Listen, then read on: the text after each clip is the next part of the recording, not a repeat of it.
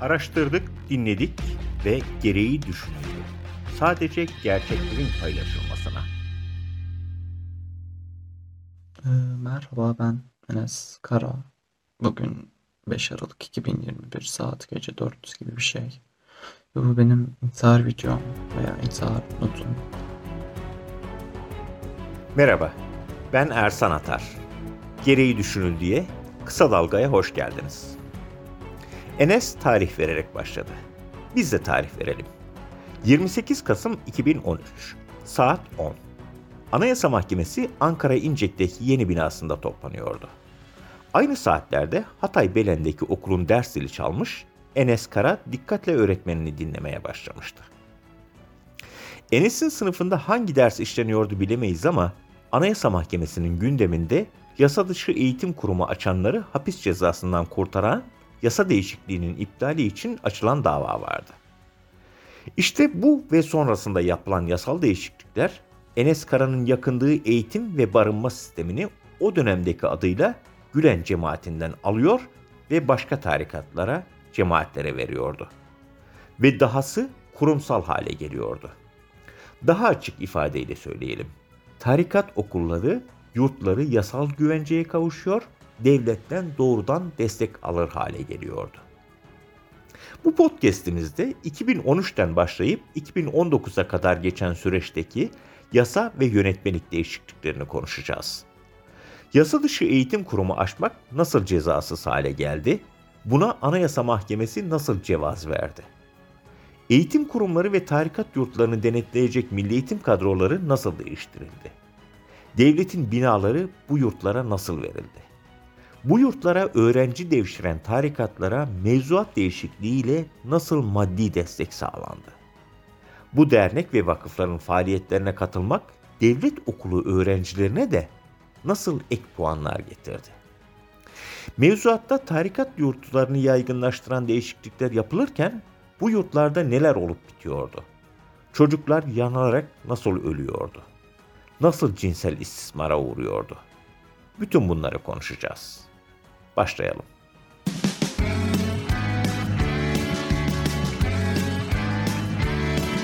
Kulağınız bizde olsun. Kısa Dalga Podcast. Önce Meclis Genel Kurulu'ndan ve Anayasa Mahkemesi toplantı salonundan başlayalım. 17 Nisan 2013 günü Meclis Genel Kurulu'nda bir oylama yapılıyordu. Oturumu yöneten başkan vekili teklifi okutup genel kurulun oyuna sundu. Bazı kanunlarda değişiklik yapılmasına dair kanunu oylarınıza sunuyorum. Kabul edenler, etmeyenler kabul edilmiştir.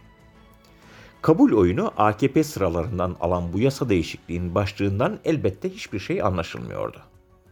İçinde bir madde vardı ki Türk Ceza Kanunu'nun 263. maddesi yürürlükten kaldırılmıştır diyordu. O 263. maddede diyordu ki kanuna aykırı olarak eğitim kurumu açan veya işleten kişi 3 aydan 1 yıla kadar hapis cezası veya adli para cezası ile cezalandırılır. Türk Ceza Kanunu'nun o hükmü artık bu oylamadan sonra yoktu. Yani yasa dışı eğitim kurumu açanlara artık hapis cezası verilemeyecekti. Olsundu, Türkiye Cumhuriyeti hukuk devletiydi ve bunun daha anayasa mahkemesi vardı. CHP milletvekilleri Anayasa Mahkemesi'nin yolunu tuttu. CHP'liler TCK'daki bu hüküm olmazsa laikliği ihlal eden eğitim anlayışı serbest hale gelir dediler. Dinin siyasete alet edilmesine zemin hazırlar dediler. Çoğunluğu AKP döneminde atanan üyelerden oluşan Anayasa Mahkemesi'ni ikna edebilmek için bu madde olmazsa terörist ve bölücü eğitim kurumları bile açılabilir dediler.'' Ama ikna edemediler. CHP'nin başvurusu Anayasa Mahkemesi'nin 13 üyesinin oyuyla reddedildi. İptal edilsin ki yasa dışı eğitim kurumu açanlara hapis cezası verilmesini düzenleyen hüküm TCK'daki varlığını sürdürsün diyen 4 üye azınlıkta kaldı. 13 üye ise meclis hangi eylemin suç olacağına karar vermeye muktedirdir dedi.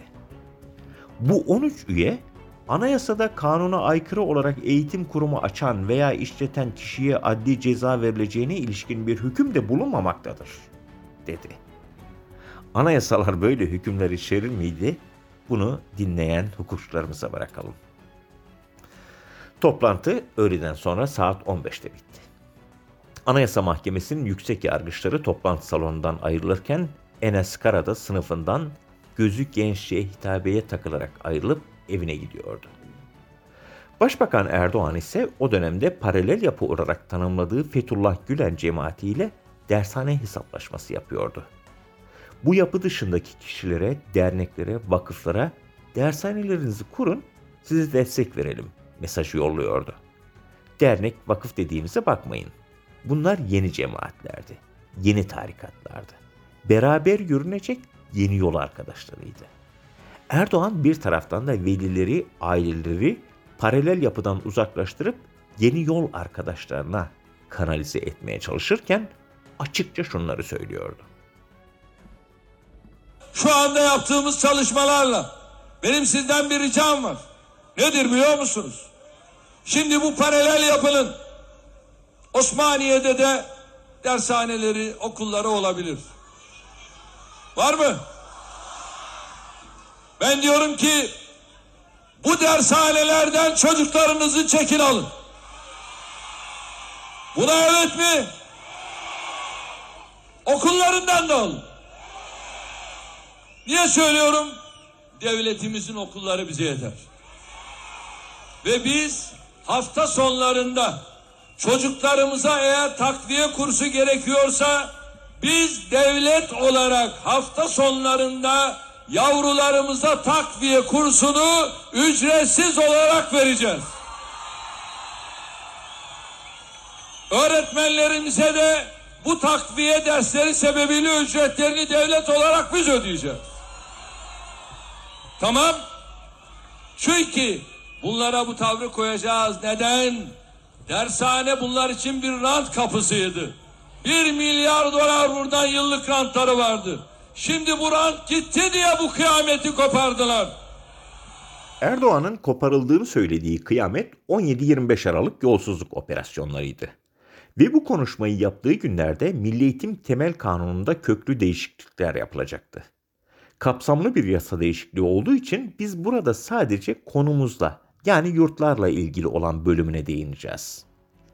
Neydi bu değişiklik? Milli Eğitim Teşkilatı'ndaki tüm kadrolar yeni yol arkadaşlarına açılıyordu. 1 Mart 2014'te mecliste kabul edilen bu yasa değişikliğine göre Milli Eğitim Bakanlığı'nın tüm merkez ve taşra teşkilatındaki yöneticileri bir anda görevinden alındı. Müsteşar yardımcılarından tutun da il, ilçe milli eğitim müdürlerine, şube müdürlerine varıncaya kadar. Bu da yetmezdi, okul müdürleri, müdür yardımcıları da değişmeliydi. Bunlar arasından görevine devam edecekler varsa da yeniden mülakata alınmalı, Erdoğan'a bağlılıkları test edilmeliydi. Milli eğitimdeki tüm kadrolar artık boştu ve yeni yol arkadaşlarına hazırdı. Hükümet bu değişiklikle bir taşla iki kuş vuruyordu. Bir taraftan kadroları yeni isimlere açıyor, bir taraftan da bundan sonra atılacak adımların sahada uygulayıcısı ve takipçisi olacak yönetim kadrolarını oluşturuyordu. Yani size biraz sonra anlatacağımız yurtları denetleyecek bu kadrolardı.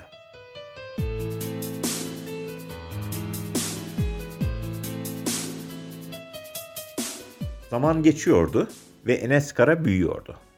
Tozçelik Fen Lisesi'nin başarılı öğrencilerindendi. Muhtemelen böyle bir ders de derslerine girip çıkıyordu. İki yıl sonra üniversite sınavına girecekti. Yavaş yavaş üniversiteye hazırlanmaya başlamıştı. Yıl 2017 idi. Az önce çok özet geçtiğimiz kadro değişikliği 2017 yılına gelindiğinde daha da anlamlı hale geldi. Ne oldu 2017'de? Bakanlar Kurulu tarafından vergi muafiyeti tanınan vakıflara yurt binası temin edilmesi gerekiyordu. Bu vakıflar bir bina yaptıracak olsa hem masraflı olacak hem de zaman alacaktı. Bu bir yönetmelikle hallolurdu. Çözüm Maliye Bakanlığı'ndan geldi. Bakanlık 21 Temmuz 2017'de çıkardığı yönetmelikle kamu binalarının vakıflar tarafından yurt binası olarak kullanılmasına olanak sağladı. Vakıflar bu binaları 49 yıl süreyle bedelsiz olarak kullanacaklardı. Bu değişiklikten bir buçuk ay sonra Adıyaman Besni'de bir erkek öğrenci yurdunda çocuklar cinsel istismara maruz kalıyordu. Bunu ve daha fazlasını podcastimizin sonunda anlatacağız. Konumuzdan kopmadan biz yönetmelikle devam edelim. Kamu binalarının tahsis edileceği vakıfların hangileri olacağını Maliye Bakanlığı, Milli Eğitim Bakanlığı ve Gençlik ve Spor Bakanlığı belirleyecekti. Kamu binaları sadece yurt olarak tahsis edilmeyecekti.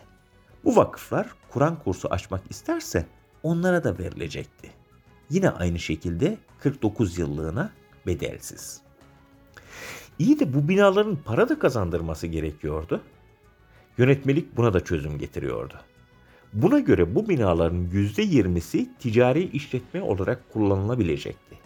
Yani vakıf kendisine 49 yıllığına bedelsiz olarak verilen kamu binasının 5'te biri kadar olan bölümünü örneğin market olarak işletebilecekti. Hatta bunu vakıfla organik bağ olmayan ticari bir işletmeye de verebilirdi. Uygulama başlayınca bir eksiklik fark edildi. Tarikatların kontrolünde sadece vakıflar yoktu ki. Dernekler de vardı. Onlar ne yapacaktı?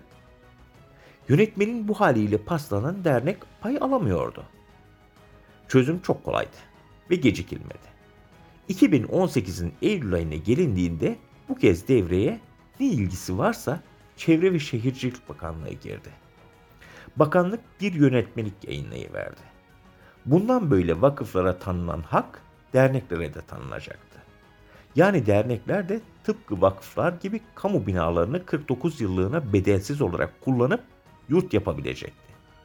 Bu olanaktan faydalanacak olan dernekler nasıl belirlenecekti? Yine Maliye ve Milli Eğitim Bakanlıkları kafa kafaya verip olur ya da olmaz diyeceklerdi. Unutmadan söyleyelim. Derneklerde Kur'an kursu açacaklarsa kamu binaları artık onlara da amadeydi.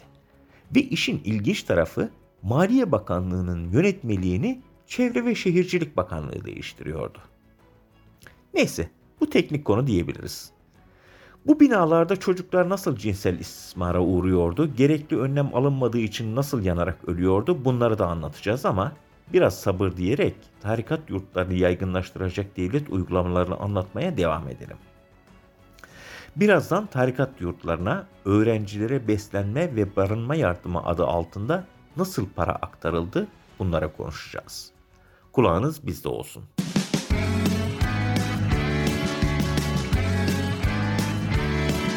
Kulağınız bizde olsun. Kısa Dalga Podcast. Devlet tarikat yurtlarına bedelsiz bina verip geri çekilmiyordu. Burada barınacak her bir öğrenci başına devlet bütçesinden derneklere, vakıflara yani anladığınız işte cemaatlere, tarikatlara yardım da yapılmalıydı. Bunun yasal zemini de 8 Kasım 2017'de atıldı. İşin burası daha eğlenceli bakın. Abi abla barındıran dernekler nasıl öncelikli hale geliyor onları da anlatacağız. 8 Kasım 2017'deki yönetmeliği Yükseköğrenim Kredi ve Yurtlar Kurumu çıkardı. Yönetmeliğe göre vakıf ve derneklerin işlettiği yurtlara devlet kasasından barınma ve beslenme yardım yapılacaktı. Bu şekilde yurt işleten dernek ve vakıflara her bir öğrenci için yardım yapılacaktı. Bu yardımın miktarı devletin kendi yurtlarında kalan öğrencilere yapıyormuş gibi göründüğü yardım ile aynı miktarda olacaktı. Kredi ve Yurtlar Kurumu'nun 2021 yılındaki hesaplarına göre vakıf ve dernek adı altında faaliyet gösteren tarikat ve cemaat yurtlarına öğrenci başına günlük 19 TL yemek yardım yapılmaya başlandı. Siz evinizde bir aile bireyi için beslenmeye günlük 19 TL ayırabiliyor musunuz bilmeyiz ama bu 19 TL'yi küçümsemeyin. Bugün tarikat ve cemaat yurtlarında kalan öğrenci sayısı yüz binlerle ifade ediliyor. 100 bin olsa bile bu yılda devlet kasasından tarikat ve cemaatlere 22 milyar TL para aktarıldığı anlamına geliyor. Sadece beslenme yardımı adı altında. Barınma yardımına daha gelmedik. Az önce beslenme ve barınma yardımı dağıtılırken abi abla barındıran yurtlara öncelik veriliyor demiştik ya hani. Onu anlatalım biraz. Yönetmelik hangi yurtlara öncelik verileceğini madde madde saymış. Anne babası vefat etmiş öğrenci barındıranlara. Tamam. Şehit ve gazi çocukları barındıranlara. Tamam. Gönüllü ve geçici köy koruyucu çocuklarını barındıranlara. Buna tamam deyip dememeyi size bırakırız. Yönetmelik bir de gönüllü gençlik lideri öğrenci barındıran yurtlara da öncelik verileceğini hüküm altına almış. Evet, gönüllü gençlik lideri öğrenci barındıran. Siz şimdi soracaksınız haliyle. Gönüllü gençlik lideri kimdir? Şöyle anlatalım. Örneğin bir valilik veya kamu kurumu bir ilde açılış yapıyor. Cumhurbaşkanı Erdoğan da açılışa katılacak. İşte gönüllü gençlik lideri oraya kalabalık toplayan kişilerden biridir yerine göre. Bilmem anlatabildik mi? Gönüllü gençlik lideri başka ne iş yapar? Gençlik ve Spor Bakanlığı'nın merkezlerine gelen öğrencilere yol gösterir. Onlara kötü alışkanlıklardan onları uzak tutar. Bu size de FETÖ döneminin abilerini, ablalarını hatırlatmadı mı? Peki her öğrenci beslenme yardımından faydalanabilir mi? Daha doğrusu yurt her öğrenci için beslenme yardımı alabilir mi? Yönetmelik buna da cevap vermiş. Hayır. Mesela öğrenci sosyal medya hesabından Cumhurbaşkanı için olumsuz bir paylaşımda bulundu. Bu öğrenci için yapılan yardım hemen kesilir. Üstelik bu nedenle dava açılmış olmasına da gerek yok. Biz demiyoruz, yönetmelik diyor. Aynen şöyle diyor. Devlet büyüklerine karşı basın, sosyal ve görsel medyada hakarette bulunan ya da bu nedenle Cumhuriyet Savcılığınca haklarında kamu davası açılanlar için yardım yapılmaz. Dikkat ettiyseniz mahkumiyet şartı aramıyor. Hatta dava açılmasına bile gerek yok. Hoşa gitmeyen paylaşımda bulunması için bulunması onun için yapılacak yardımın kesilmesine yeterli. Bu yardım yönetmeliği konusunu biraz fazla uzattığımızın farkındayız ama önemliydi. Şimdi de tarikatların kültürel faaliyetlerine katılan öğrencilerin merkezi sınavlarda puanlarını yükselten bir yönetmeliği anlatalım. Yönetmelik 12 Eylül 2019'da çıktı. 2019'da tarikat yurdundan cinsel istismar haberi bu kez Denizli Çivril'den geldi. Onu da anlatacağız. Yönetmelikle devam edelim. Yönetmeliğin sahibi Milli Eğitim Bakanlığı'ydı. Bakanlık bu yönetmelikle tarikat ve cemaatlere dedi ki, gelin benim okullarımda, devletin okullarında da sosyal etkinlik yapın. Veya alın öğrencilerimi sosyal etkinliklerinize katın. Bu nasıl olacaktı? Yönetmelikten örnekle anlatalım. Örneğin bir dernek veya vakfın yani bir başka ifadeyle tarikat ve cemaatin işlettiği bir spor salonu var. Yönetmelik dedi ki bu dernek ve vakıflarla protokol yapın, devlet okullarındaki öğrenciler buralara gidebilsin ve burada geçirdikleri süreyi devamsızlıktan saymayın. Yönetmeliğe göre dernek ve vakıflar gezi düzenleyebilecekti örneğin. Bu gezilere devlet okullarının öğrencileri de katılabilecekti. Yönetmelik devlet okullarındaki öğrencilerin bu şekilde spor salonlarına gitmeleri veya gezilere katılmaları durumunda bunların e-okulda sosyal faaliyet alanına işleneceğini, dolayısıyla not ortalamalarını artıp artırıp girecekleri merkezi sınavlarda avantajlı hale gelmesini hüküm altına alıyordu. Daha öz bir anlatımla anlatalım. Yönetmelik, tarikat ve cemaatlerin spor salonlarına giden, gezilerine katılan devlet okulu öğrencilerinin not ortalamasını artırıyor, merkezi sınavlarda da ek puan almasını sağlamış oluyordu. Dikkat ettiyseniz tarikat yurtlarını yaygınlaştıran mevzuat değişikliklerini anlatırken bahsettiğimiz dönem 5 yılı kapsıyor. 2014'ten 2019'a kadar. Peki bu dönemde bu yurtlarda neler oldu bitti? Olayların üstü nasıl örtüldü geçildi? Hemen belirtelim ki 2017 yılı yurtlardaki cinsel taciz olayları bakımından kara bir yıldı. Siyaset sessizdi, yargı ise bu olaylara yayın yasağı koymakla meşguldü. Tepki göstermek de sivil toplum örgütlerine kalıyordu. Önce 2017 yılında İstanbul'da sivil toplum örgütlerinin tarikat yurtları kapatılsın mitingini hatırlayalım.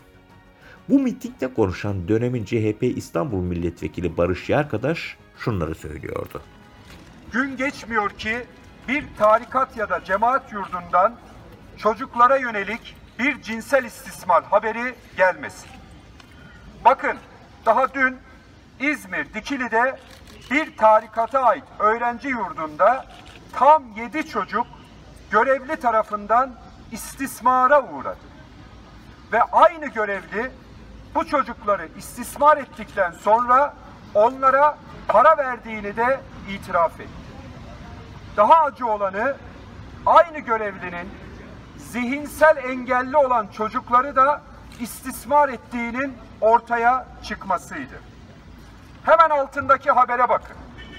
Konya'nın Selçuklu ilçesinde bir İmam Hatip Lisesi'nde görev yapan felsefe öğretmeni eğitim verdiği kız öğrencilerin eşofmanlarından tahrik olduğunu söyleyerek nasıl bir cinsi sapıklık içinde olduğunu itiraf etti. Sadece bir gazetede bir günde yer alan bu haberlerden de görüyoruz ki çocuklarımız, gençlerimiz tarikat cemaatlerinde ve yurtlarında güvence altında değiller.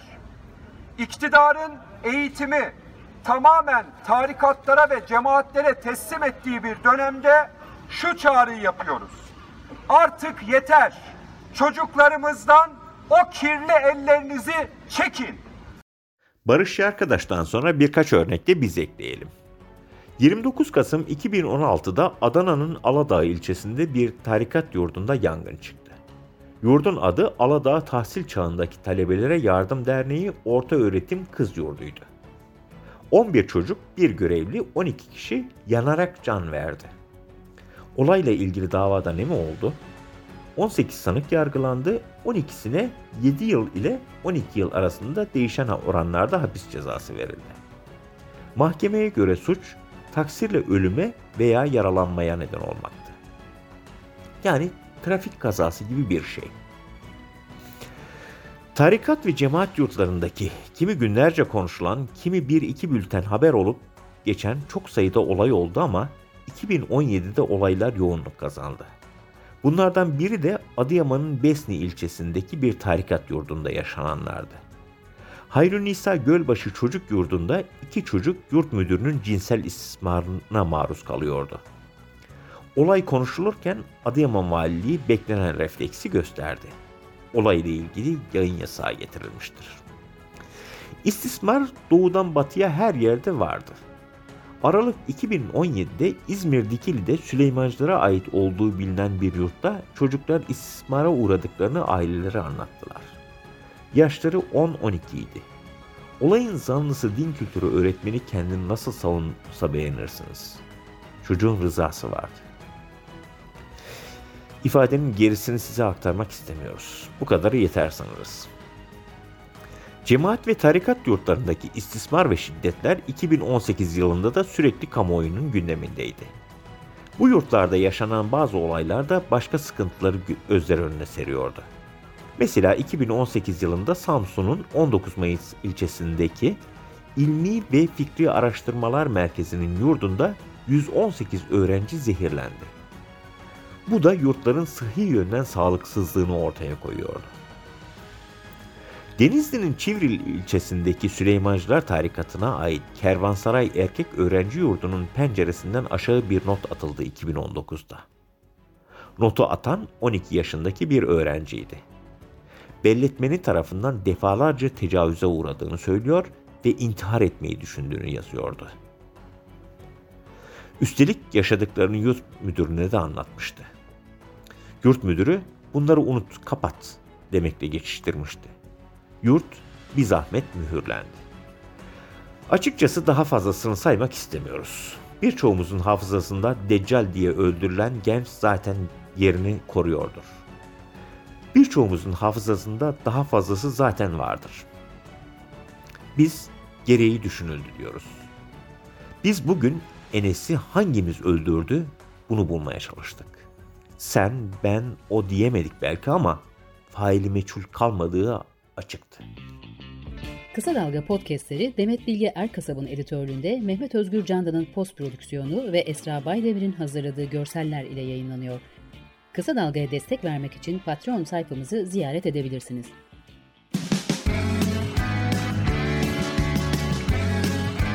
Oku, dinle, izle.